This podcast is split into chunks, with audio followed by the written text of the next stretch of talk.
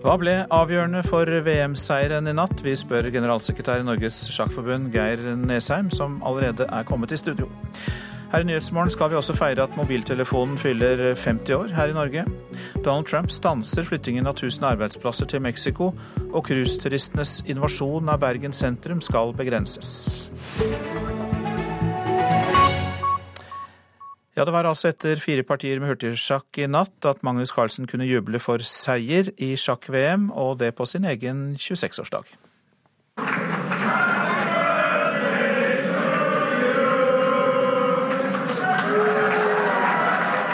Magnus Carlsen ble møtt med bursdagssang på pressekonferansen etter å ha tatt VM-seieren i natt. Den dramaturgiske oppbygningen kunne knapt vært bedre, etter tolv jevne partier dro Carlsen det lengste strået under onsdagens omspill og vant VM på sin egen 26-årsdag. Det det gikk bra i dag. Jeg følte at jeg var uh, ovenpå hele veien. Uh, fikk jeg ikke ballen i mål i andre partiet. Det var surt. Men uh, pressa dem igjen i, i tredje, og fjerde partiet var, fikk jeg i hvert fall en veldig fin avslutning. Men det ble et dramatisk omspill.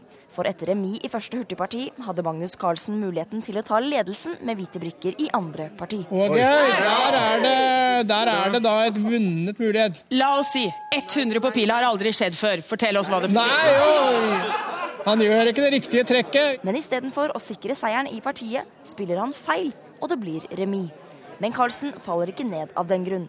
I parti tre kommer han sterkt tilbake og vinner. Ja, ja! Da trenger han kun remis i siste parti for å berge VM-tittelen. Men så var det denne dramaturgiske oppbygningen, da. For Magnus Carlsen vil avslutte med stil. På sin egen bursdag. Derfor vinner han like så greit i siste parti også. Og dermed er han verdens beste sjakkspiller i to år til. Altså En VM-tittel er noe man kjemper for uh, lenge, da, så det er ikke noe gøy å miste. Så ja, jeg er veldig, veldig lettet over å ha beholdt den. Reporter i New York var Ida Moseng. Geir Nesheim, generalsekretær i Norges Sjakkforbund, velkommen og gratulerer. Takk skal du ha, for begge deler. Hva ble avgjørende for seieren? Ja, Det jeg tror vi så, var at uh, sjakk på mange måter er uh, idrett og sport. Og det er veldig kraftkrevende. Og til slutt så var faktisk Karjakin mer sliten enn Magnus Carlsen, og det ble avgjørende. Så det var altså det å være så konsentrert over så lang tid som eh, til slutt gikk utover formen til Karjakin? Ja, han sa det selv, at eh, etter tolv knallharde partier mot Magnus, hvor han stadig var i tauene og nesten på kne, selv om han også leverte gode prestasjoner, men da var det ofte defensive gode prestasjoner, eh, så var han så sliten at da han kom inn i dette sluttspillet med fire hurtige partier, så innrømte han at han var ikke egentlig klar for det. Var det noe spesielt i går som imponerte deg med Magnus Carlsens spill? Ja, For det første så vi en Magnus Carlsen som hadde lagt opp en uh, taktikk, får vi si, allerede før det tolvte partiet. Da trodde alle at han ville gå for seier der og avgjøre, men isteden så hadde han sett lenger, som vanlig. Han hadde sett at uh, hans sjanser var vel så store i disse hurtigpartiene, så han spilte rolig der, samlet krefter, og så kom han tilbake. Og gjennom hele matchen i går så så vi den vanlige Magnus Carlsen. Var det vanskeligere for Karjakin da å forsvare seg, som han har gjort så godt uh, tidligere i matchen, når det går så hurtig? Ja, helt klart. Uh, vi har sett at Karjakin har levd opp til sitt rykte som verdens beste forsvarsspiller, men han har jo ofte brukt lang tid for å finne trekkene. Han har også brukt lang tid når han sto best og skulle finne de avgjørende trekkene, og da har han faktisk oftere ikke lykkes med det, og det har jo vært veldig heldig for Carlsen, da. Men i går så så vi at uh, når han ble satt under press gjentatte ganger fra Magnus, en Magnus i vanlig stil, som ikke alltid spilte de beste trekkene, men som prøvde å finne de vanskeligste trekkene for Karjakin, så bukket Karjakin under. Det er blitt sagt at eh, Magnus Carlsen ønsker seg andre turneringsformer enn de lange partiene bare. Hva tenker han seg da som alternativer? Ja, Han har vel ikke vært helt klar på det, men det han har snakket om, er jo at eh, disse cupturneringene, nærmest som en fotballcup, eller tennis, hvor man til slutt står med en finale, da, hvor alle eh, er med til å begynne med, og så blir man slått ut, at den er vel så rettferdig. Ingen har noen fordel på forhånd.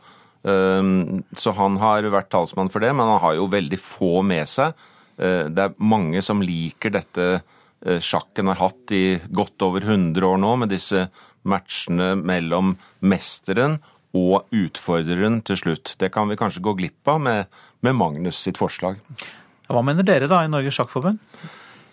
Ja, vi liker nok best den formen som er nå, hvor, og ikke minst når Magnus er mester og dermed er sikret å, å få spille på nytt.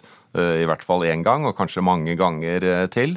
Så vi er nok tilhengere av at eh, man har et kvalifiseringssystem som går sånn som de nå etter hvert har fått skikk på, over to år med forskjellige turneringer. Og til slutt så står man igjen med én utfordrer mot den regjerende mester.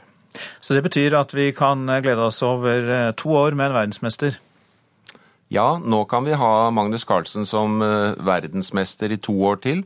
Den neste VM-matchen skal med stor sannsynlighet spilles i november 2018. I Norge? Det er et spennende tema. Det tror jeg ikke vi skal gå inn på altfor mye akkurat nå. Mange takk skal du ha, Geir Nesheim, generalsekretær i Norges Sjakkforbund. Så titter vi på avisene.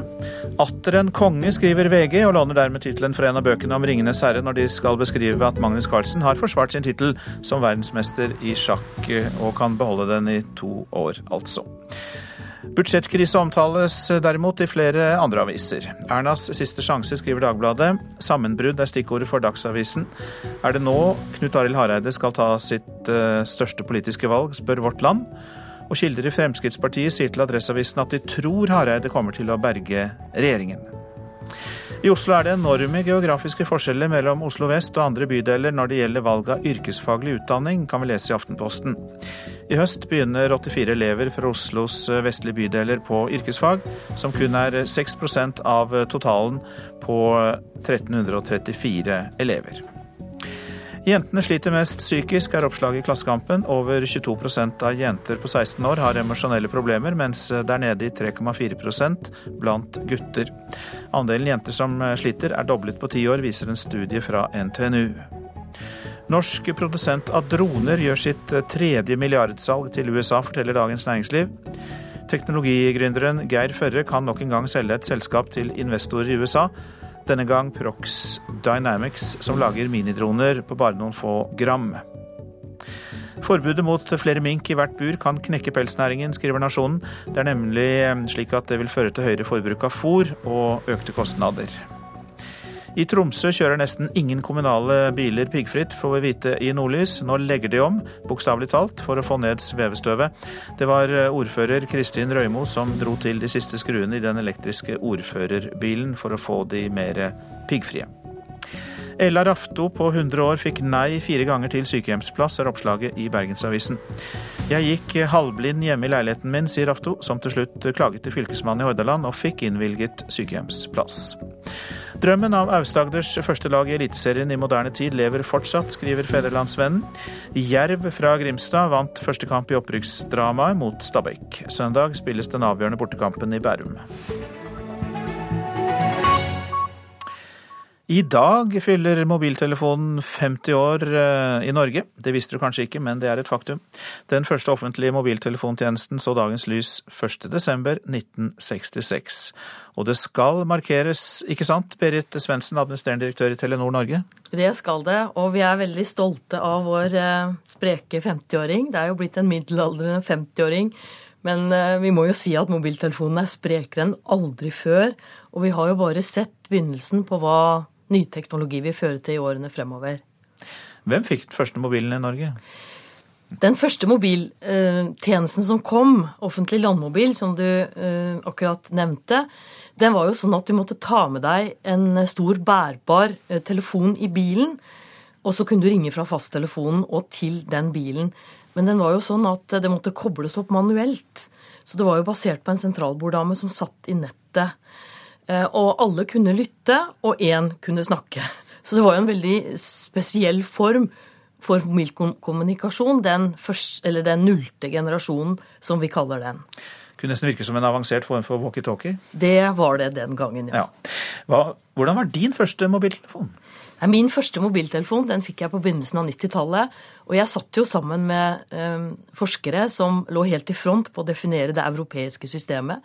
Etter at eh, Norden hadde tatt ledelsen på mobiltelefoni med nordisk mobiltelefoni, første generasjon, i 1981. Norge lå jo helt fremst i verden. Og det var jo en pionerånd for at vi også skulle sikre oss lederskapet innenfor den annen generasjon, GSM, som ble lansert i 1993 med mobilsvar. Og jeg fikk min første mobil like etter det. Eh, jeg syntes jo den var fantastisk flott. Jeg satt jo på forskningsavdelingen og prøvde mobilen. Men den var så sjelden at når jeg reiste til USA og skulle studere et par år etterpå, så måtte jeg levere den fra meg. Til min store sorg. Men jeg har jo hatt mange spennende mobiltelefoner etter det.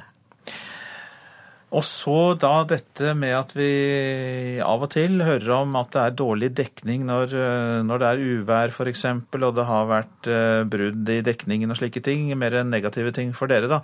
Eh, satser dere for mye på utlandet og for lite på Norge? Nei. Det sier bare hvor avhengig samfunnet vårt har blitt av mobiltelefonen.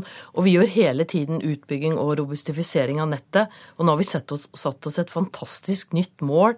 Du vet at mens den første mobiltjenesten, offentlig landmobil, hadde fem basestasjoner i Norge, så har vi over 10 000 i dag. Og i slutten av 2017 så vil Telenor ha dekket alle steder hvor vi i dag har 2G, dvs. Si den gamle standarden fra 1992 hvor du kan ringe perfekt, også med fantastisk 4G, som gir eh, kundene våre mulighet til alle mulige slags tjenester. Hvordan tror du mobiltelefonen vil se ut om eh, ja, de neste 50 år? Nei, Vi ser jo en stadig utvikling. Ehm, det vi ser nå, er jo at mobiltelefonen knytter jo familier sammen på en helt ny måte. Eh, underholdningstjenester blir eh, veldig levende, ikke bare på TV, men den kommer jo helt nye former. Vi ser jo nå at den erstatter lommeboka med spennende banktjenester. Vi ser at vi får førerløse biler som kan betraktes som mobiltelefoner på hjul. Smarttelefoner på hjul. Jeg tror dette bare vil fortsette og fortsette og fortsette. Og den største begrensningen er vel kanskje at vi som mennesker ikke klarer helt å henge med på utviklingen. Men spennende blir det. Og at den kanskje kan være en slavedriver for oss av og til? At vi er for avhengig av den? Da må vi lære å slå den av oftere. Takk skal du ha, Berit Svendsen, administrerende direktør i Telenor eh, Norge. Dette er altså Nyhetsmorgen. Klokka har nettopp passert 6.45. Dette er hovedsaker. Magnus Carlsen forsvarte altså i natt verdensmestertittelen i sjakk mot eh, russiske Sergej Karjakin. Etter to partier som endte med remis, vant Carlsen to partier i hurtigsjakk. I natt ble fredsavtalen for Colombia endelig godkjent. Begge kamre i nasjonalforsamlingen har stemt ja til avtalen. Den kan tre i kraft allerede denne uka. Og eh, vi skal høre at eh, Donald Trump har stanset planene om å flytte 1000 arbeidsplasser til Mexico. Det gjelder en eh, fabrikk som produserer klimaanlegg. Byrådet i Bergen nå for de vil ha slutt på cruisekaoset i byen om sommeren. Bergen er Norges største cruisehavn. Enkelte dager er det så tett med turister i sentrum at det er vanskelig å ta seg fram. Nå vil byrådet spre cruiseanløpene og utvide sesongen. Altså, jeg syns jo at eh, noe må gjøres. Det er få turister i suvenirbutikken Audilviken på Bryggen denne ettermiddagen. Men i høysesongen kan det noen dager bli for fullt, ifølge Anneli Hanf. Det er stress. Det er rett og slett kun stress. Du har ikke tid til å snakke med kunder, du har ikke tid til å ta deg av kunder. Det er fullt overalt. Man blir irritert når man går på jobb, fordi det er folk overalt. For når seks cruiseskip ligger ved kai på samme dag, sier det seg selv. Det blir fullt i Bergen sentrum. Nå vil byrådet ha slutt på det verste cruisekaoset om sommeren. Det som vi har sett og som vi så i sommer, var jo det at eh, enkelte attraksjoner så blir det rett og slett overfylt. Det sier byråd for klima, kultur og næring i Bergen, Julie Andersland. Bergen er landets største cruisehavn. De siste årene har det vært en kraftig vekst i cruisetrafikken.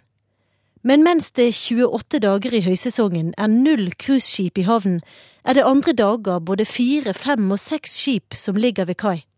Nå skal anløpene spres mer utover, ifølge Andersland. Vi ser at i dag så er det enkelte dager i eh, høysesongen hvor det nesten ikke er cruiseanløp. Og vi ser også at eh, sesongen er relativt kort. Og I tillegg så jobber jo vi nå, eller ønsker å få til, eh, i samarbeid med Bergen Reiselivslag og med havnen, at vi skal se på et tak for hvor mange cruiseturister Bergen kan ha per dag.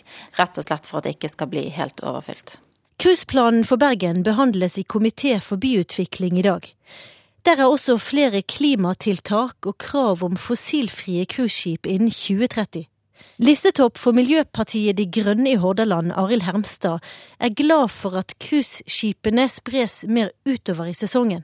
Men helst ville han hatt langt færre cruiseskip til Bergen. Den situasjonen som har vært de siste årene, den har kommet ut av kontroll. og Det betyr at vi er nødt til å sette grenser for hvor mange skip som skal inn. Vi kan risikere å undergrave Bergen som turistby hvis, eh, hvis den, den, situasjonen som vi har hatt de siste årene fortsetter å, å utvikle seg. Her hos Audhild Viken på Bryggen er cruiseturistene viktig. Men om de spres mer utover både i høysesongen og ellers i året, er det det beste for alle parter, mener Anneli Hanf. Ja, litt mer um, stabilt um, omsetning, kanskje. Og uh, vi har mer sjanse til å ta oss av kunder når det ikke er så mange kunder samtidig og fullt i butikkene. Reporter var eh, Siri Løken, og vi legger til at dersom veksten fortsetter i samme tempo som i dag, så vil tallet på cruisepassasjerer til Norge dobles fram mot år 2039. Dette er eh, ifølge Transportøkonomisk institutt. 500 millioner kroner er helt borte fra kommunebudsjettene i Rogaland pga. oljekrisa. I tillegg 40 000 jobber har forsvunnet, og det har gått kraftig utover skatteinntektene. Aller verst er det i kommunene Stavanger, Sandnes, Haugesund og Sola. De har til sammen 370 millioner kroner mindre å rutte med enn de hadde i 2014. Den som bare kunne leke og ikke tenke på budsjett. Men også skoleelever merker at økonomien i Rogaland går trått. Flere av elevene på Gandal skole i Sandnes har denne høsten måttet klare seg med færre lærere og har fått større klasser. Ja, jeg liker det jo ikke. Det gjør jeg ikke. Eh, jeg skulle så veldig gjerne ønske at vi kunne gitt det som vi vet vi er gode for, og det som vi vet at elevene våre har behov for. Det sier Gyro Dale Dragsnes, rektor på Gandal skole i Sandnes. Hun merker hver dag hvordan færre skattekroner inn i Sandnes-budsjettet gir dårligere handlingsrom i skolen.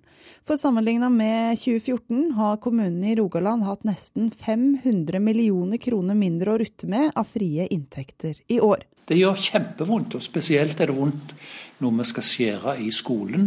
Stanley Virak er ordfører i Sandnes. Kommunen kunne hatt over 80 millioner kroner mer i frie inntekter, hadde de fått inn like mye skatt i år som i 2014. Nei, jeg tenker som så at det selvfølgelig hadde vært kjekt å ha de 80 millionene mer, men nå har vi det ikke. og Da må vi bare innstille vår pengebruk til at vi skal bruke 80 millioner kroner mindre. I Stavanger er over 200 millioner kroner helt borte, i Haugesund nesten 50.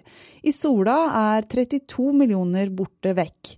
Det er tøft, sier ordfører Ole Uland. Det er klart at eh, aller helst ønsker vi jo å bruke mer penger på flere ting. Eh, samtidig så tror jeg at kommunesektoren òg har godt av å av og til tenke gjennom hvordan vi bruker pengene. Sånn at vi er gjennom et ganske stort omstillingsarbeid i kommunen, og det må fortsette. Tilbake på Gandal skole har rektoren fem færre lærere i år, og flere klasser er slått sammen.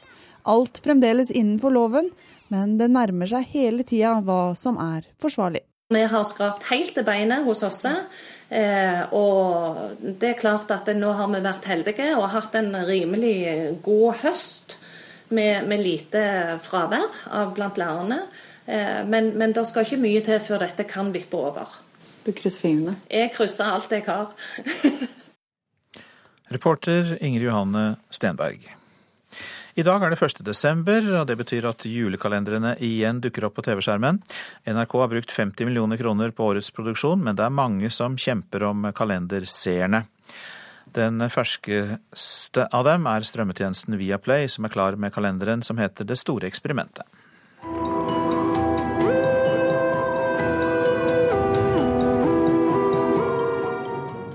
Dette er den nye julekalenderen på strømmetjenesten Viaplay. Anne Marie Ottersen spiller en gal professor som sperrer to barn inne i laboratoriet sitt. Og hver dag frem til jul må de løse nye oppgaver for å komme seg ut. Det nye med denne julekalenderen er kanskje at man eh, fokuserer på realfag på en helt ny måte. Sier pressesjef Fredrik Olimb i Viaplay. Ja, det vi ser er at um, det er to ting spesielt som, uh, som kundene våre vil ha. Det ene er uh, originalt innhold. Uh, og det andre er nordisk innhold. Det store eksperimentet er spilt inn på Det tekniske museet i Stockholm. Og for å holde produksjonskostnadene nede, har Viaplay laget både en norsk, svensk og en dansk versjon på samme manus. I 2016 så er det veldig tøff konkurranse på strømmarkedet. Alt i alt er det hele 13 andre julekalendere å velge mellom i år. På TV 2 går The Julekalender i reprise. TV Norge sender både 'Nissene over skog og hei' og 'Den unge Fleksnes'. Og på NRKs nettsider kan du se en rekke gamle kalendere i reprise, samt en ny humorkalender.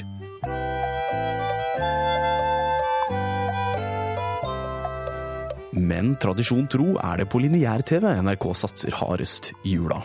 Jeg er Selma. Og jeg bor her. Bak dette vinduet. 'Snøfall' er et eventyr. Hovedpersonen heter Selma, hun er ni år og bor hos naboen sin Ruth. Eh, og de to har en helt grei relasjon, tror jeg vi skal si. Men det er ikke verdens varmeste sted. Det gjør at eh, Selma begir seg ut i verden på, eh, på jakt etter tilhørighet. Sier Hildrid Gulliksen, redaksjonssjef i NRK Super. Hun er ansvarlig for den nye julekalenderen Snøfall, som har kostet hele 50 millioner kroner å lage. Det ene er jo at det finnes så mange flere tekniske muligheter, men de betyr ikke dermed, de er, dermed sagt at de er gratis. Mm. Eh, og det andre er at det er så mange store skjermer rundt i stuene til folk som, som, som, stiller krav til den tekniske kvaliteten, rett og slett. Hun påpeker at de tradisjonelle julekalenderne er en del av oppveksten. Så vi håper jo at eh, familier kommer til å se dette sammen, og at det er mye å snakke om i bakkant av at man har sett episodene. Reportere her Philip André Johannesborg og Petter Sommer.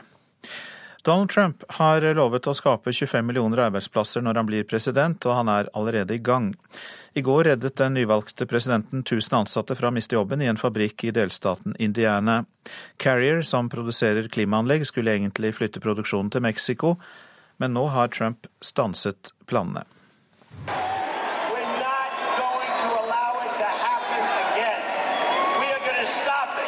Jeg skal ikke la det skje igjen. Disse arbeidsplassene skal ikke forsvinne til Mexico, sa Donald Trump til en bekymret, men jublende folkemengde i Indianapolis i april. Fabrikken Carrier skulle flytte sin produksjon av klimaanlegg til Mexico. Donald Trump lovet å stanse planene. Og i dag vender han tilbake til Indianapolis på første etappe av en slags seiersturné etter valget. Og i bagasjen har han en seier mange her er overrasket over. Trump fikk på tirsdag til en avtale med Carrier, og 1000 arbeidsplasser skal likevel ikke flytte. Done, totally sure. um, like like to know uh, what was actually drawn up in the process and where they're heading with uh, like our pay. Jeg vet ikke hvordan de fikk til dette, og jeg lurer litt på hva som skjer med lønningene våre og sånt, sier Robin Maynard til CNN. Han er lettet og har jobbet på fabrikken i 24 år. Donald Trumps påtroppende visepresident Mike Pence er stadig guvernør i nettopp Indiana. Det er delstaten han leder som har gitt Carrier en hjelpepakke som er ukjent. Trolig inneholder den skatteletter og andre insentiver som gjør at fabrikken likevel ikke vil flytte til Mexico. Det er ikke vanlig at en amerikansk president griper inn så direkte i forhold til bedrifter som det Trump kan ha gjort her. Og nå er han jo heller ikke president ennå. Økonomer mener imidlertid det kan være farlig for ham å planlegge en politikk der han skal gjøre kostbare avtaler med enkeltbedrifter for å beholde arbeidsplasser. Men Trump har lovet å skape svimlende 25 millioner nye arbeidsplasser når han blir president. Og han har lovet å ta uortodokse metoder i bruk. Det lover også den nyutnevnte finansministeren hans, Steven Mnuchin, å gjøre.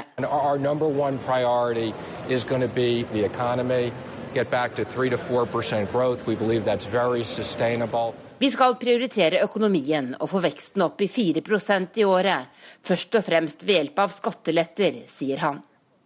Trump besøker i dag Indiana og Ohio. To industridelstater der arbeidsplassene forsvinner raskt og begge steder vant han stort ved valget 8.11. Tove Bjørgaas, Washington. Vi tar med oss et eh, værvarsel fram til midnatt. Østlandet, Telemark og eh, Sørlandet. Mye bra vær, men først på dagen kan det komme litt spredt snø på Østlandet. Og det kan komme regn som fryser på bakken i områdene sør for Gardermoen, så det må man passe på da.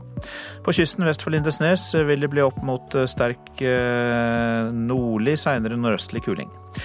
Fjellet i Sør-Norge, Vestlandet og Trøndelag ser vi samlet, og det blir kuling fra nordvest opp til sterk kuling sør i Rogaland. Først på dagen regn flere steder i lavlandet, etter hvert eh, som sludd- og snøbyger de fleste steder. Unntaket er kystområdene sør for Stad, der nedbøren fortsatt kommer som regn i dag. Nord-Norge bygevær det meste av dagen, særlig da i kyststrøkene. Nedbør kommer for det meste i form av sludd og snø, men kan starte som regn på kysten av Nordland. Vind fra nord, seinere nordøst, eh, kommer opp i sterk kuling mange steder langs kysten av Nord-Norge. Spitsbergen, der blir det stort sett oppholdsvær i eh, området rundt Longyearbyen. Vi runder snart av for å gi plass til Dagsnytt, men kommer sterkt tilbake klokka 7.03. Og eh, vi skal bl.a. høre at statsminister eh, og tidligere partileder Kjell Magne Bondevik mener at eh, dagens KrF tar vare på klimaarven i partiet. Krisen rundt behandlingen av statsbudsjettet skal tolkes av professor i statsvitenskap Anders Todal Jensen.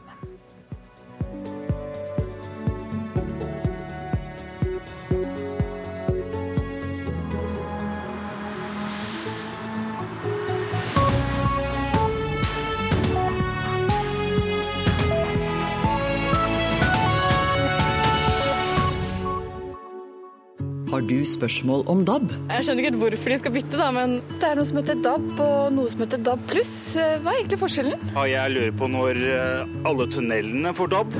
Hva er DAB for noe? Vi har svar. NRK Publikumsservice, snakk med Hans Marius. Hva kan jeg hjelpe deg med? Gå inn på nrk.no DAB, eller ring 2304 7000. Vi er her for deg. Sjakkverden måper over Magnus Carlsens VM-avslutning. I natt ble han verdensmester igjen. Nav må bidra mer for å fange opp elever som sliter på skolen, mener sosial- og arbeidsministeren. Her er NRK Dagsnytt klokka sju. I natt feiret Magnus Carlsen en ny verdensmestertittel i sjakk. Han vant etter to seire og to uavgjorte partier i hurtigsjakk mot den russiske utfordreren Sergej Karjakin. Karjakin var mer sliten enn Carlsen, og det ble avgjørende, sier Geir Nesheim, som er generalsekretær i Norges sjakkforbund.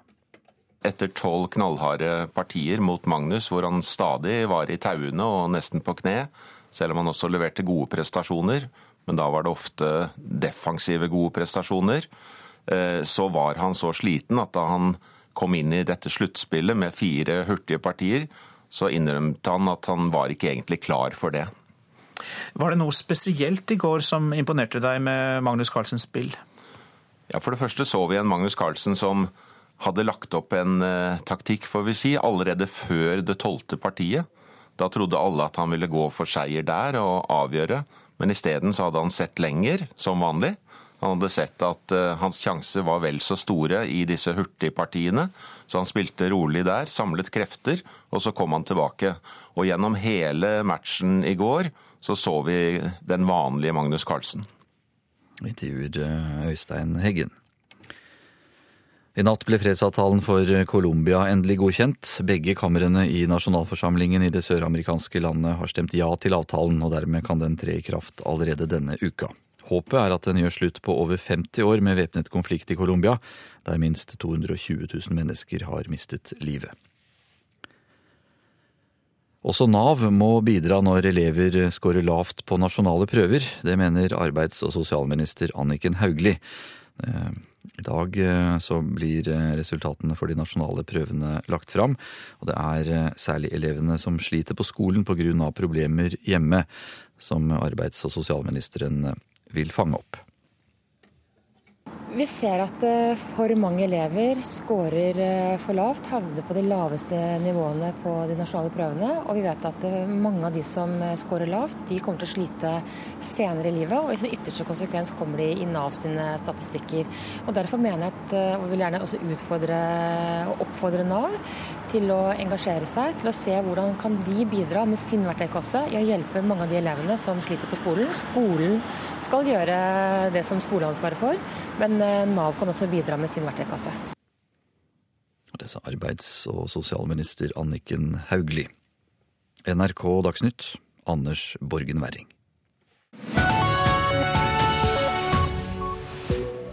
Nyhetsmorgen fortsetter med disse sakene. Kjell Magne Bondevik er stolt av at dagens KrF vil ta vare på klimaet og brøt budsjettforhandlingene. Vi skal høre fra en godt fornøyd Magnus Carlsen etter VM-seieren i går. Her blir det også mer om at arbeids- og sosialministeren mener Nav må bidra når elever sliter i skolen, men Utdanningsforbundet er skeptisk til forslaget. Og Russlands utenriksminister kommer til Tyrkia i dag. Landene skal fornye sitt vennskap, men er svært uenige om Syria. Ja, som vi har hørt på morgenen, Magnus Carlsen eh, har forsvart verdensmestertittelen i sjakk. Eh, vant altså i New York, eh, og mm, etter to uavgjorte partier og to seire i hurtigsjakk mot den russiske utfordreren Sergej Karjakin. Og en svært fornøyd Carlsen kan vi høre her etter seieren. Det er veldig bra. Det gikk, det gikk bra i dag. Jeg følte at jeg var ovenpå hele veien. Fikk jeg ikke ballen i mål i andre partiet. Det var surt, men pressa dem igjen i, tredje, og fjerdepartiet var, fikk jeg i hvert fall en veldig fin avslutning. Hvordan fant du fram til den beste sjakken du spilte så langt i matchen når det, da det gjaldt som mest, altså i dag? Jeg, jeg, følte det hadde vært en positiv trend eh, slutten av matchen. Jeg følte han var begynt å bli ganske sliten. Eh, og jeg hadde jo tross alt fått noen halvveis hviledager nå til slutt. Altså egentlig etter egentlig etter tiende partiet så slapp jeg å bruke så veldig mye energi. Så jeg, jeg følte meg bra i dag. Presset ham på, på, klokken og spilte bedre. Hva har stått på spill for deg disse ukene her? Det er jo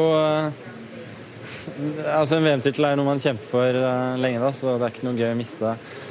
Så ja, jeg er veldig, veldig lettet over å ha beholdt den. Og tom i hodet nå, tipper jeg?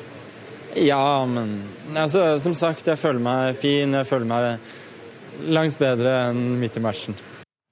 Reporter Ole Rolfsrud og sjakkommentator Atle Grønn kommer hit klokka 8.30 for å kommentere VM-seieren til Magnus Carlsen. I natt ble fredsavtalen for Colombia endelig godkjent. Begge kamrene i nasjonalforsamlingen i det søramerikanske landet har stemt ja til avtalen, og dermed kan den tre i kraft allerede denne uka. Regjeringen i Colombia og FARC-geriljaen ble sendt tilbake til forhandlingsbordet da folket vendte tommelen ned for avtalen for to måneder siden. Nå er det gjort rundt 50 endringer for å dempe kritikken fra opposisjonen, men den mener fortsatt at den forhatte FARC-geriljaen slipper for billig unna. Den omarbeidede og nå endelige versjonen møter ikke kravet om at opprørere som har begått overgrep, må i fengsel. Heller ikke strengere krav på FARCs mulighet til å delta i det politiske liv framover. Fredsprisvinner Juan Manuel Santos valgte å sende den nye avtalen til Kongressen for godkjenning. Der har han flertall, og fikk i natt et enstemmig underhus til å ratifisere fredsavtalen. Opposisjonen forlot salen før stemmegivningen. Det samme skjedde i Senatet tidligere i uka. Men ratifiseringen betyr at 50 år med borgerkrig nærmer seg slutten. Allerede før nyttår skal FARC-geriljaen starte avvæpning, og før sommerferien skal de ha levert inn alle våpnene. Avtalen skisserer også hvordan FARC-soldatene skal demobiliseres til et titalls fredssoner som FN overvåker. Det eneste usikkerhetsmomentet nå er rekkefølgen i et av avtalepunktene om amnesti, ifølge nyhetsbyrået Ap. FARC har rundt 2000 medlemmer i fengsel, og mener Kongressen, i henhold til fredsavtalen, må endre lover, slik at et spesialtribunal kan etableres og flere av fangene løslates før geriljaen starter avvæpningen. Norge har sammen med Cuba vært tilrettelegger for fredsforhandlingene. Regjeringen har også satt seg rundt forhandlingsbordet med den mindre geriljagruppa ELN, forhandlinger som er ventet å ta flere år. De kriminelle bandene er fortsatt et stort problem i Colombia, men tanken er at når geriljagruppene avvæpnes, så kan hæren og politiet intensivere kampen og ressursene mot annen kriminalitet. Men aller først er utfordringen og hasteprosjektet å starte gjennomføringen av fredsavtalen med FARC. Anders Tvegård, Washington. Hjem igjen og til eh, Nav og hva de kan bidra med når eh, elever scorer lavt på nasjonale prøver. For det er arbeids- og sosialminister Anniken Hauglie som mener at Nav bør inn og se på hvilken situasjon disse elevene har. Hensikten med dette forslaget er god, men tiltaket er dårlig, svarer Utdanningsforbundet. Leik og moro i friminuttet men inne i klasserommet skal prestasjonene aller helst være på topp.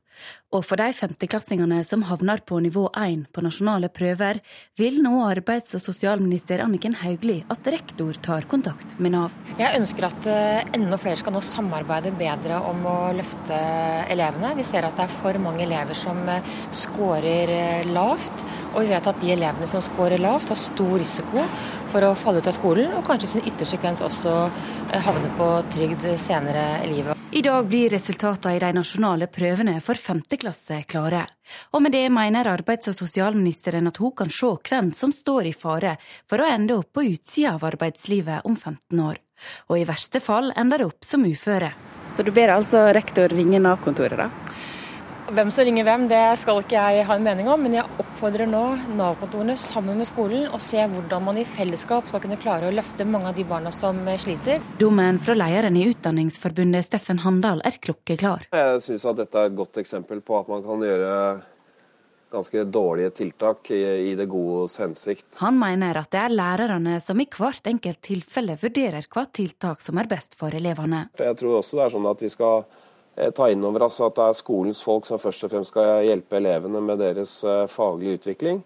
Og jeg tror ikke at Nav er det rette stedet for disse elevene. Det ligger også kanskje under her en litt sånn eh, stigmatisering av, av enkeltelever. Det er svært uheldig.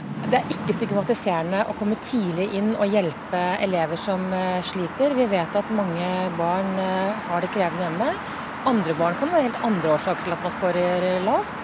Men dersom nå Nav-kontorene sammen med skolen får en oversikt over hva som, eh, hva som er utfordrende, så er det så lettere å løfte de barna som sliter, og det må være vårt felles ansvar. Det er mange andre tiltak som vil være nyttig for elevene som skårer dårlig på nasjonale prøver, sier Handal. Vi vet at uh, spesialundervisning i, i, Norge blir satt inn for sent, og at det uh, heller ikke blir gjennomført av uh, kvalifiserte lærere.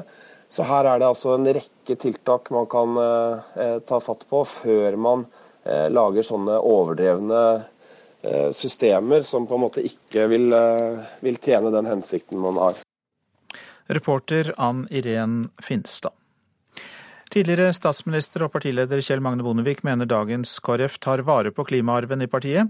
Bondevik-regjeringen gikk av etter et kabinettspørsmål om forurensende gasskraftverk i år 2000, og i går brøt altså KrF budsjettforhandlingene av hensyn til klimaet.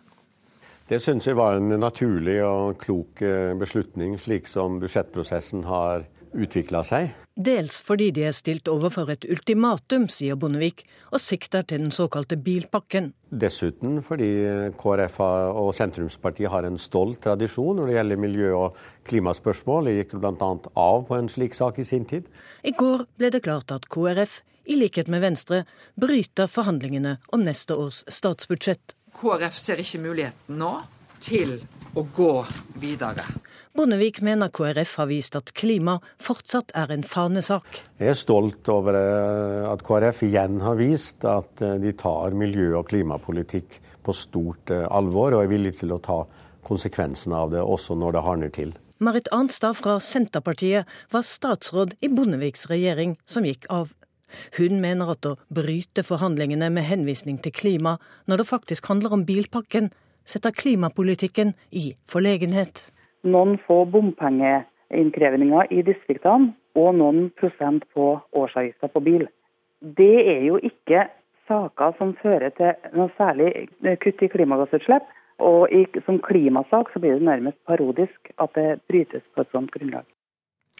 Reportere Katrin Hellesnes og Trude Bakke. Professor i statsvitenskap ved NTNU, Anders Todal Jensen, god morgen til deg. God morgen. Du er med oss fra studio i Trondheim. Parodisk, sier Arnstad. En klok beslutning, sier Bondevik. Eh, hvilken rolle ser du for deg at, at KrF kommer til å spille i sluttspillet om statsbudsjettet? Ja, jeg, min oppfatning er jo at dette er veldig reelle politiske uenigheter. Man kan diskutere hvor stor konsekvensen er av det ene og det andre alternativet her. Og Noen vil jo da si at uh, dette dreier seg om så lite uh, eh, CO2 at uh, det er ubetydelig. Og noen vil si at da burde regjeringa gi seg, og andre vil da mene at opposisjonen burde gi seg. Så her kommer det nok an på perspektivet. Men jeg tror, jeg tror det viktige her det er å forstå at dette er dype politiske uenigheter. Det er det som har eh, drevet eh, denne krisen framover. Det er ikke symbolpolitikk, det er ikke et spill for galleriet vi ser nå.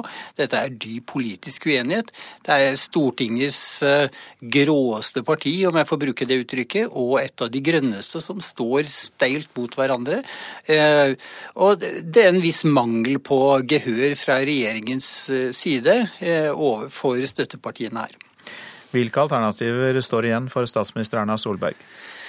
Ja, det er jo flere eh, muligheter her. Eh, som en partileder sa, det er lenge til mandag. Eh, og det han mente med det, var vel at her kan flere forslag komme på bordet. Man kan prøve å knytte opp denne såkalte bilpakken, eller man kan prøve å gå rundt med noen nye forslag.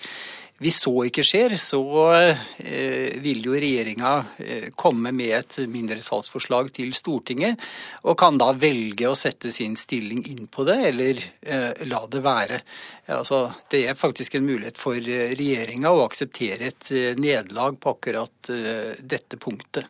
Så vi får se hvordan det utvikler seg, og det er lenge til mandag, som sagt. Men det vil jo nok være en del virkninger av denne denne prosessen uansett hvordan utfallet blir eh, i forhold til statsbudsjettet. Og det er jo ting som handler om eh, det borgerlige samarbeidet eh, framover. Stortingsvalget neste år.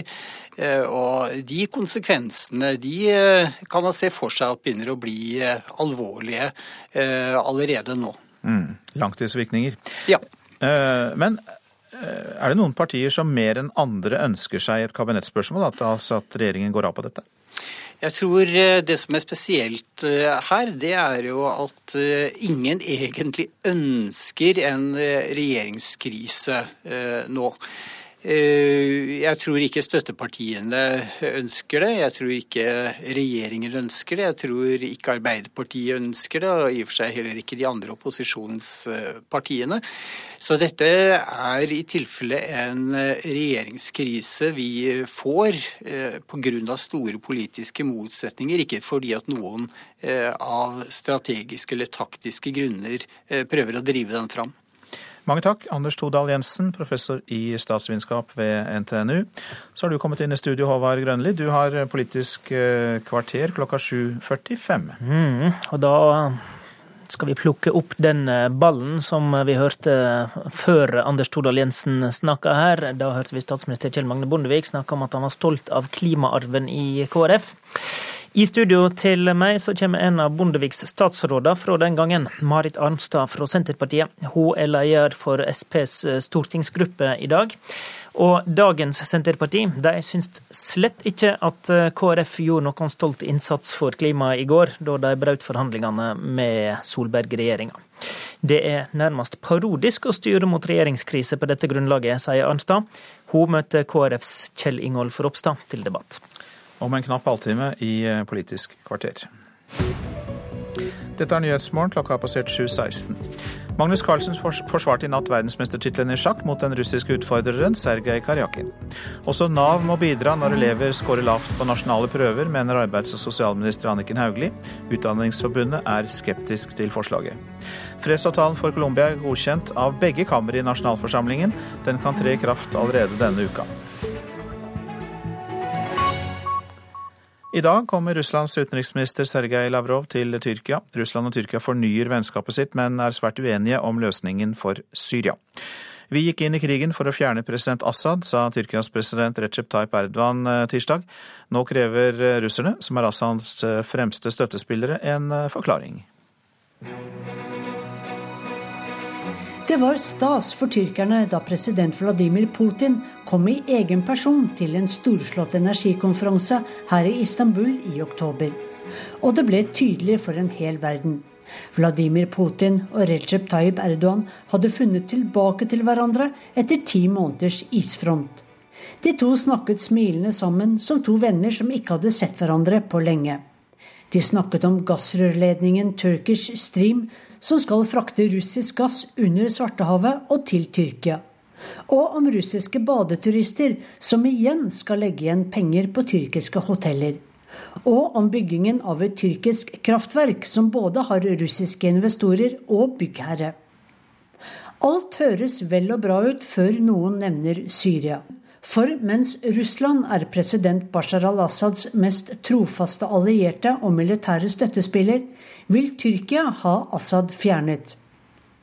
Helt fra begynnelsen i 2011 har Tyrkia støttet den frie syriske hæren og opprørsgruppene. Vi er i Syria for å bringe rettferdighet og for å få en ende på regimet til den grusomme Assad, som driver med statsterror, sa president Erdogan i forgårs. Og han la til at vi gikk inn i denne krigen for å fjerne Bashar al-Assad. Dette blir ikke godt mottatt i Russland. Vel, uttalelsene kommer som en overraskelse på oss, sa talsmann Dmitrij Peskov i Moskvas Kreml. Dette er et alvorlig standpunkt og er en annen forståelse av situasjonen enn vi har hørt tidligere. Så vi forventer at våre tyrkiske partnere vil gi oss en forklaring, sa Peskov i går. Etter Putins visitt og til nå har Erdogan vært svært forsiktig med å kritisere russernes bombing av Aleppo eller støtte til Assad. Når utenriksministrene Sergej Lavrov og Mevlut Cavacolo møtes i Antalya i dag, er det det første møtet etter normaliseringen i oktober. Og neste uke reiser Tyrkias statsminister Benali Yildirim til Moskva. Men uenigheten om Syria ligger mellom Tyrkia og Russland som en drivende mine. Om ikke partene da blir enige om å være uenige, og heller se de økonomiske fordelene av vennskapet. Etter EU-parlamentets avstemning om å legge forhandlingene med Tyrkia på is, ser Tyrkia aktivt etter nye venner. Vi er triste over å se hvordan EU har fornærmet oss. Selv om situasjonen nå ikke gir oss forhåpninger, har vi ikke lukket døren til EU ennå. Men ingen må glemme at Tyrkia alltid har mange andre alternativer, sier president Erdogan men det gjelder å ikke være for uenig med sine venner. Korrespondent Sissel Wold rapporterte fra Istanbul. Den syriske hæren og deres allierte angriper den sørlige delen av Øst-Aleppo med infanteri og stridsvogner. Framrykkingen går sakte, og det er meldt om harde kamper. I går ble flere sivile drept av artilleri i det opprørskontrollerte området. Og Midtøsten-korrespondent Kristin Solberg, du er med oss. Beskriv situasjonen i Øst-Aleppo nå. Ja, nå er situasjonen i, i Øst-Aleppo eh, ganske horribel for de eh, mange sivile som er der inne.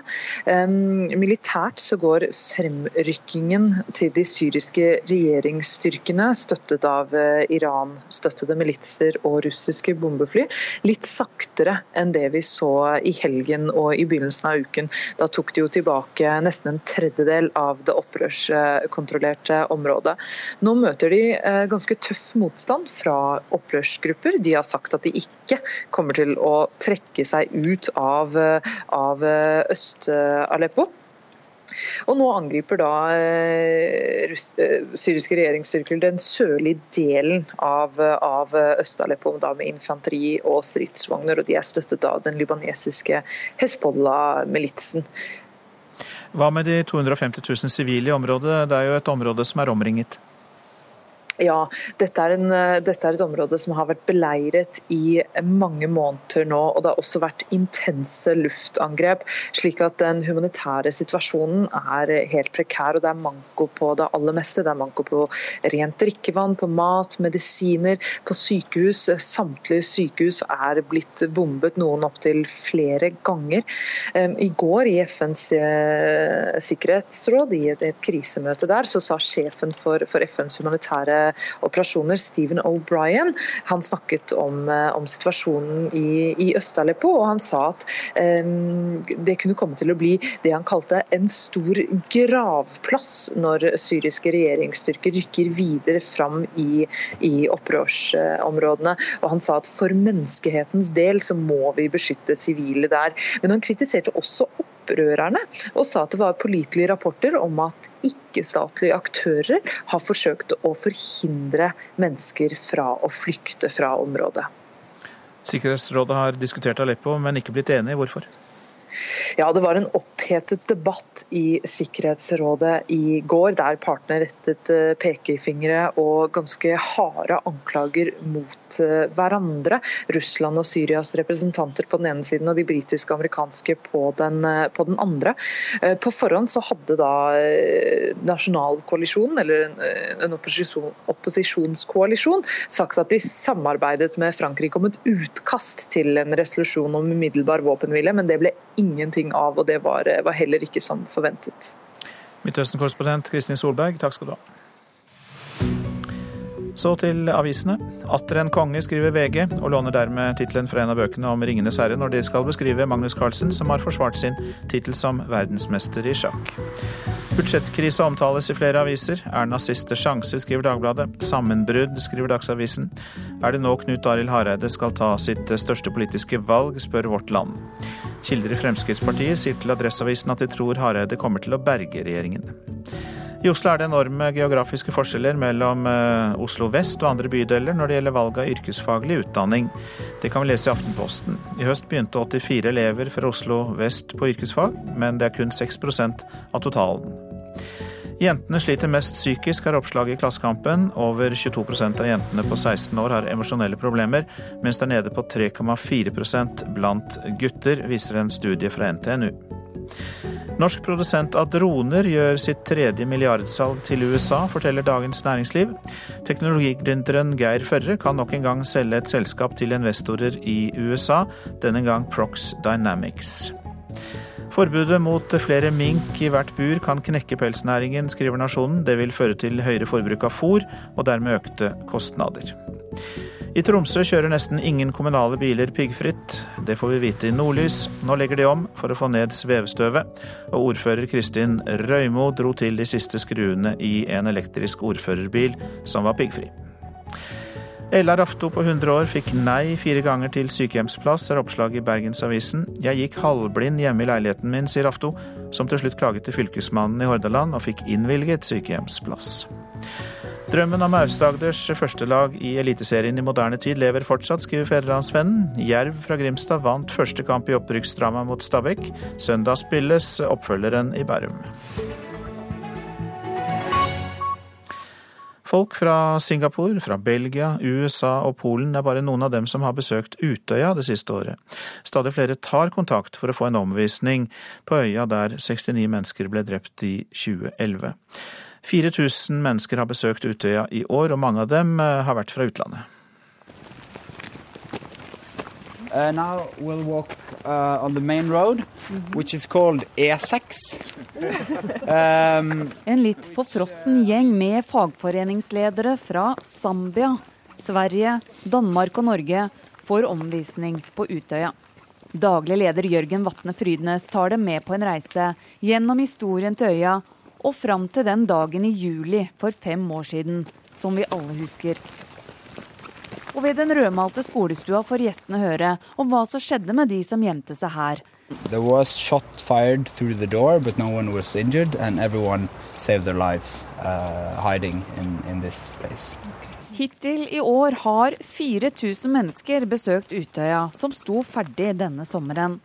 Tusen av disse er ungdommene på AUF sommerleir, men Frydnes forteller at det også er mange utenlandske grupper som ønsker å se øya med egne øyne.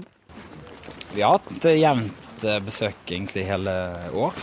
Ehm, kanskje spesielt i etterkant at uh, av femårsmarkeringen og åpningen av Heinehuset, læringssenter her ute, så har det vært mange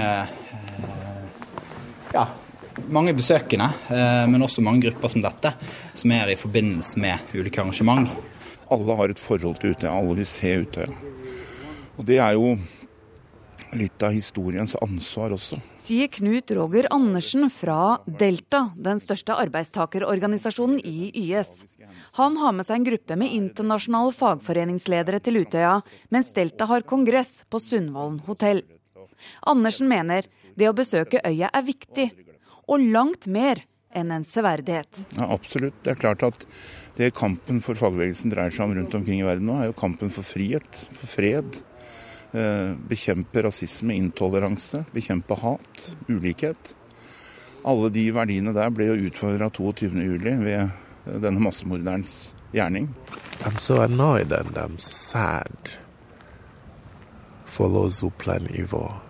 Jeg blir så forarget og så trist pga. de som planlegger ondskap mot menneskeheten, forteller Darison Chala, fagforeningsleder fra Zambia. Han så nyheten om terrorangrepet på Utøya på TV hjemme i Lusaka, og mener det er viktig at Utøya forblir en møteplass der demokrati og ytringsfrihet kan diskuteres. For bl.a. i hans del av verden opplever man at fagforeningsledere ikke har frihet til å jobbe for arbeidernes rettigheter. Trade union leaders are killed. Trade union leaders are jailed. Or trade union leaders lose their jobs. Who don't respect freedom of association, freedom of expression. It's, it's, and all the democratic values. Altså, jeg er glad for, at jeg har fået lov at komme herover. Øh, men jeg synes, altså, man tenker mange tanker, og øh, det er meget mærkeligt at opleve det i virkeligheden. Øh, og det er jo den der balance med, hvornår skal det blive et eller andet turistmekka, og hvornår, altså, hvordan holder man balancen med respekten og så videre. Og det fornemmer jeg, man har været god til. Til slutt president i fagforeningen HK Kommunal i Danmark, Bodil Otto, til reporter Anette Skafjell. Produsent for Nyhetsmorgen, Marit Selmer Nederlid. I studio, Øystein Heggen. Korrespondent Morten Jentoft har vært på markedet i Donetsk i Øst-Ukraina og spurt hva folk mener om myndighetene både i Moskva og Kiev. Hør mer i reportasjen etter Dagsnytt.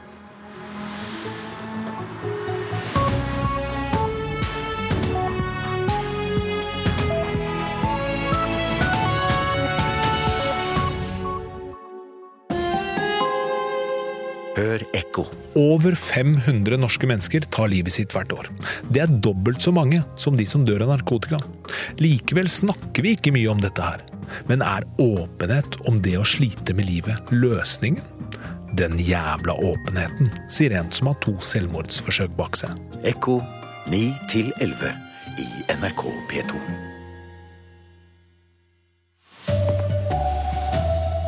Karjakin spiller sin konge opp igjen, og der gir han opp. Ja. Drømmebursdag for Magnus Carlsen forsvarte VM-tittelen i sjakk i natt. Kjell Magne Bondevik er stolt av dagens KrF-ere, som brøt budsjettforhandlingene av hensyn til klimaarven. Fredsavtalen i Colombia er endelig godkjent. Her er NRK Dagsnytt, klokka er 7.30. Ja, etter fire partier med hurtigsjakk i natt, så kunne altså Magnus Carlsen juble for seier i sjakk-VM, og det på sin egen 26-årsdag.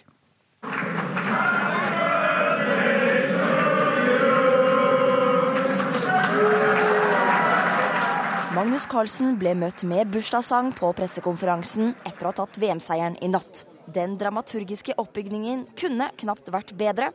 Etter tolv jevne partier dro Carlsen det lengste strået under onsdagens omspill og vant VM på sin egen 26-årsdag. Det det gikk bra i dag. Jeg følte at jeg var uh, ovenpå hele veien. Uh, fikk jeg ikke ballen i mål i andre partiet. Det var surt. Men uh, presset dem igjen i, i tredje, og fjerde partiet var, fikk jeg i hvert fall en veldig fin avslutning. Men det ble et dramatisk omspill. For etter remis i første hurtigparti hadde Magnus Carlsen muligheten til å ta ledelsen med hvite brikker i andre parti. Og der er, det, der er det da et vunnet mulighet. La oss si 100 på pila har aldri skjedd før. Fortell oss hva det betyr. Nei, jo. Han gjør ikke det riktige trekket. Men istedenfor å sikre seieren i partiet, spiller han feil, og det blir remis. Men Carlsen faller ikke ned av den grunn. I parti tre kommer han sterkt tilbake og vinner. Da trenger han kun remis i siste parti for å berge VM-tittelen. Men så var det denne dramaturgiske oppbygningen, da. For Magnus Carlsen vil avslutte med stil. På sin egen bursdag. Derfor vinner han like så greit i siste parti også. Og dermed er han verdens beste sjakkspiller i to år til. Altså En VM-tittel er noe man kjemper for uh, lenge, da, så det er ikke noe gøy å miste. Så ja, jeg er veldig, veldig lettet over å ha beholdt den. Ja, Det sa altså verdensmester i sjakk Magnus Carlsen, reporter Ida Moseng.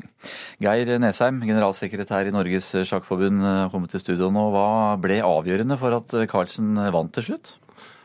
Ja, jeg tror det vi så var at sjakk virkelig er en, en, sport og krever mye, også fysisk. Og Karjakin, som holdt ut i de tolv langpartiene, han innrømmet selv etter uh, at det hele var slutt, at han var veldig sliten på slutten, mens Magnus ble jo bare sterkere og sterkere. Ja, Hva var det som imponerte deg mest med spillet til Carlsen i dette VM? Ja, Det var egentlig nå på slutten at han viste seg fra sin vanlige side, vil jeg si. Hvor han presset og presset. Han vant jo da ikke det andre partiet, men i tredje og fjerde så var han den gamle, gode Magnus igjen. Som vi har ventet på så lenge under dette mesterskapet. Og da hadde ikke Karjakin sjanser. Så klart altså Carlsen å forsvare VM-tittelen. Hva betyr dette her for eh, rekrutteringen til eh, sjakkspill her i landet? Ja, Vi har jo hatt en voldsom vekst siden Magnus ble verdensmester. Vekst hvert eneste år nå siden 2013. Og det fortsetter jo bare. Og I tillegg til det så er det jo veldig mange som spiller sjakk f.eks. på internett og med kamerater og sånn, uten akkurat å organisere seg. Så Vi har nok aldri sett en situasjon hvor så mange nordmenn har spilt sjakk som i dag. Takk skal du ha, Geir Nesheim, som altså er generalsekretær i Norges Sjakkforbund. Nav må varsles når eh, elever scorer lavt på nasjonale prøver. Det mener arbeids- og sosialminister Anniken Hauglie. Hensiktene er gode, men eh, dette klarer skoleverket fint å håndtere selv, svarer Utdanningsforbundet. Leik og moro i friminuttet. Men inne i klasserommet skal prestasjonene aller helst være på topp. Og for de femteklassingene som havner på nivå 1 på nasjonale prøver, vil nå arbeids- og sosialminister Anniken Hauglie at rektor tar kontakt med Nav. Jeg ønsker at eh, enda flere skal nå samarbeide bedre om å løfte elevene. Vi ser at det er for mange elever som eh, scorer eh, lavt. Og vi vet at de elevene som scorer lavt, har stor risiko for å falle ut av skolen, og kanskje sin yttersekvens også havne på trygd senere i livet. I dag blir resultatene i de nasjonale prøvene for femte klasse klare. Og med det mener arbeids- og sosialministeren at hun kan se hvem som står i fare for å ende opp på utsida av arbeidslivet om 15 år. Så du ber altså rektor ringe Nav-kontoret, da? Hvem som ringer hvem, det skal ikke jeg ha en mening om, men jeg oppfordrer nå Nav-kontorene sammen med skolen å se hvordan man i fellesskap skal kunne klare å løfte mange av de barna som sliter. Dommen fra lederen i Utdanningsforbundet, Steffen Handal, er klokkeklar. Det er gode hensikter, men tiltaket er dårlig. Han mener at det er lærerne som i hvert enkelt tilfelle vurderer hva tiltak som er best for elevene. Vi skal eh, ta inn over oss at det er skolens folk som først og fremst skal hjelpe elevene med deres eh, faglige utvikling. Og jeg tror ikke at Nav er det rette stedet for disse elevene. Det ligger også kanskje under her en litt sånn eh, stigmatisering av, eh, av enkeltelever. Det er svært uheldig. Det er ikke stigmatiserende å komme tidlig inn og hjelpe elever som eh, sliter. Reporter Ann Iren Finstad. Tidligere statsminister og partileder Kjell Magne Bondevik mener KrF viser at de tar vare på klimaarven. Bondevik-regjeringen gikk av etter et kabinettspørsmål på forurensende gasskraftverk i 2000, og i går brøt KrF budsjettforhandlingene av hensyn til klima. Det syns jeg var en naturlig og klok eh, beslutning, slik som budsjettprosessen har utvikla seg. Dels fordi de er stilt overfor et ultimatum, sier Bondevik, og sikter til den såkalte bilpakken. Dessuten fordi KrF og sentrumspartiet har en stolt tradisjon når det gjelder miljø- og klimaspørsmål. Det gikk bl.a. av på en slik sak i sin tid. I går ble det klart at KrF, i likhet med Venstre, bryter forhandlingene om neste års statsbudsjett. KrF ser ikke muligheten nå til å gå videre. Bondevik mener KrF har vist at klima fortsatt er en fanesak. Jeg er stolt over eh, at KrF igjen har vist at eh, de tar miljø- og klimapolitikk på stort eh, alvor, og er villig til å ta konsekvensene av det også når det hardner til. Marit Arnstad fra Senterpartiet var statsråd i Bondeviks regjering som gikk av. Hun mener at å bryte forhandlingene med henvisning til klima, når det faktisk handler om bilpakken, setter klimapolitikken i forlegenhet noen få bompengeinnkrevinger i distriktene og noen prosent på årsavgifta på bil. Det er jo ikke saker som fører til noe særlig kutt i klimagassutslipp. Og i, som klimasak så blir det nærmest parodisk at det brytes på et sånt grunnlag. Ja, dette blir det mer om i Politisk kvarter kvart på åtte i P2 og Alltid nyheter. Reportere Katrin Hellesnes og Trude Bakke. I natt ble fredsavtalen for Colombia endelig godkjent. Begge kamrene i nasjonalforsamlingen har stemt ja til avtalen i det søramerikanske landet. Dermed kan den tre i kraft allerede denne uka. Regjeringen i Colombia og FARC-geriljaen ble sendt tilbake til forhandlingsbordet da folket vendte tommelen ned for avtalen for to måneder siden.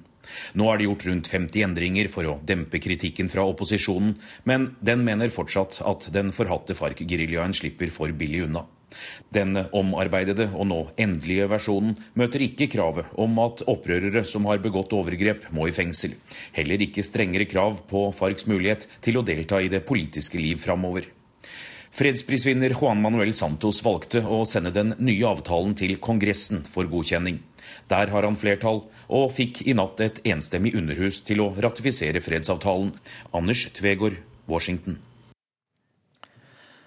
I dag er det 1. desember, og det kjempes om kalenderseerne på TV.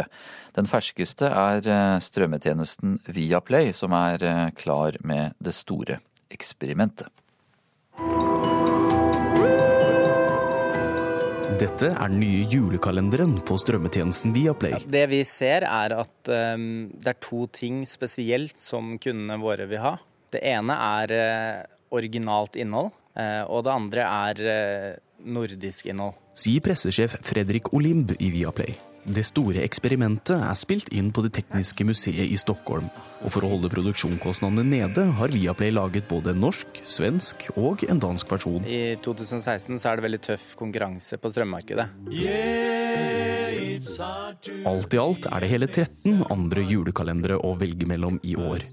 Men tradisjon tro er det på lineær-TV NRK satser hardest. Jeg er Selma. Snøfall er et eventyr. Hovedpersonen heter Selma, hun er ni år og bor hos naboen sin Ruth. Og de to har en helt grei relasjon, tror jeg vi skal si, men det er ikke verdens varmeste sted. Det gjør at Selma begir seg ut i verden på, uh, på jakt etter tilhørighet.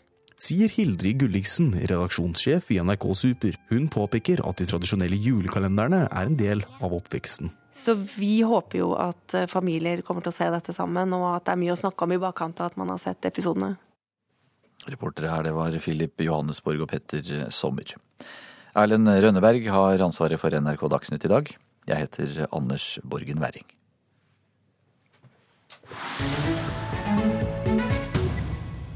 Og dette er Nyhetsmorgen. Det er uenighet blant de hardt prøvede innbyggerne i uroområdene øst i Ukraina. Mange vil tilhøre et forent Ukraina, men andre mener området bør bli en del av Russland. Korrespondent Morten Jentoft har vært der.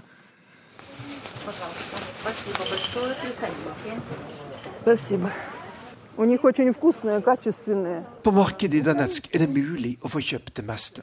Men 75 år gamle Ludmila Lavrinenko, pensjonert tannlege, har tenkt nøye på hva hun vil ha denne fredagen.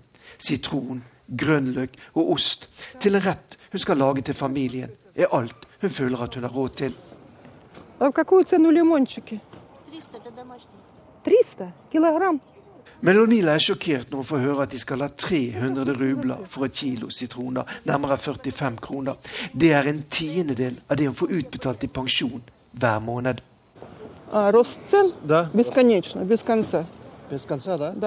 Prisene stiger hele tiden, forteller Ludmila, som får utbetalt 2850 rubler i måneden. Ja, rubler, det er det som gjelder her nå, forteller hun. De ukrainske pengene, grivniene, er forsvunnet og gjelder bare inne i Ukraina. Nok et eksempel på at Donbass langsomt glider lengre og lengre bort fra Ukraina. Men hva tenker hun selv om dette at den ukrainske valutaen har forsvunnet? Det mener hun er dårlig, fordi pensjonene her bare er en femtedel av hva de er i Russland, mens prisene er de samme, og høyere enn i selve Ukraina.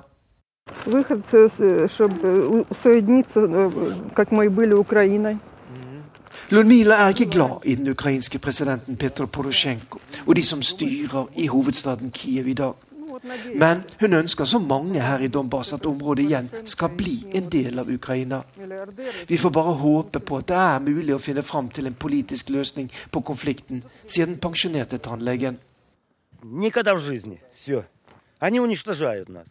Men den pensjonerte gruvearbeideren Nikolai Sjulipa vil ikke ha noe med Ukraina å gjøre.